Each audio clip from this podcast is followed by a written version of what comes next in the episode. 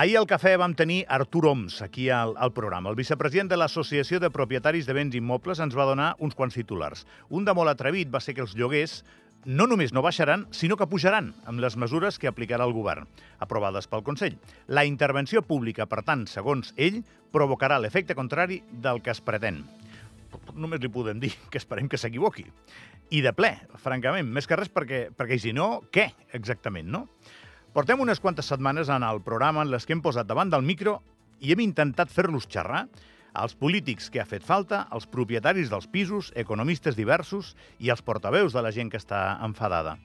I fet el tom, jo no sé vosaltres, però jo, més enllà de tenir enfocada, que crec que la tenim enfocada, la crua realitat, no tinc més claredat de la que tenia abans.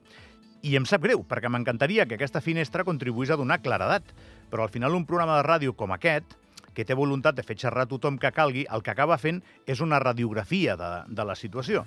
I si la situació no és clara o directament és confusa, tant se val si consultes 100 veus o 1.000 o 4.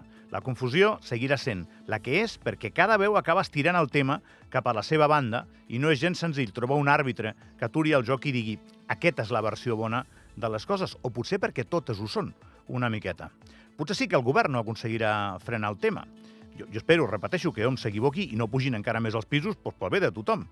Però escolteu, ahir el vicepresident de l'Associació de Propietaris de Béns Immobles va dir una altra cosa que sí em sembla comprovable, verificable, que és el terme que està de moda ara.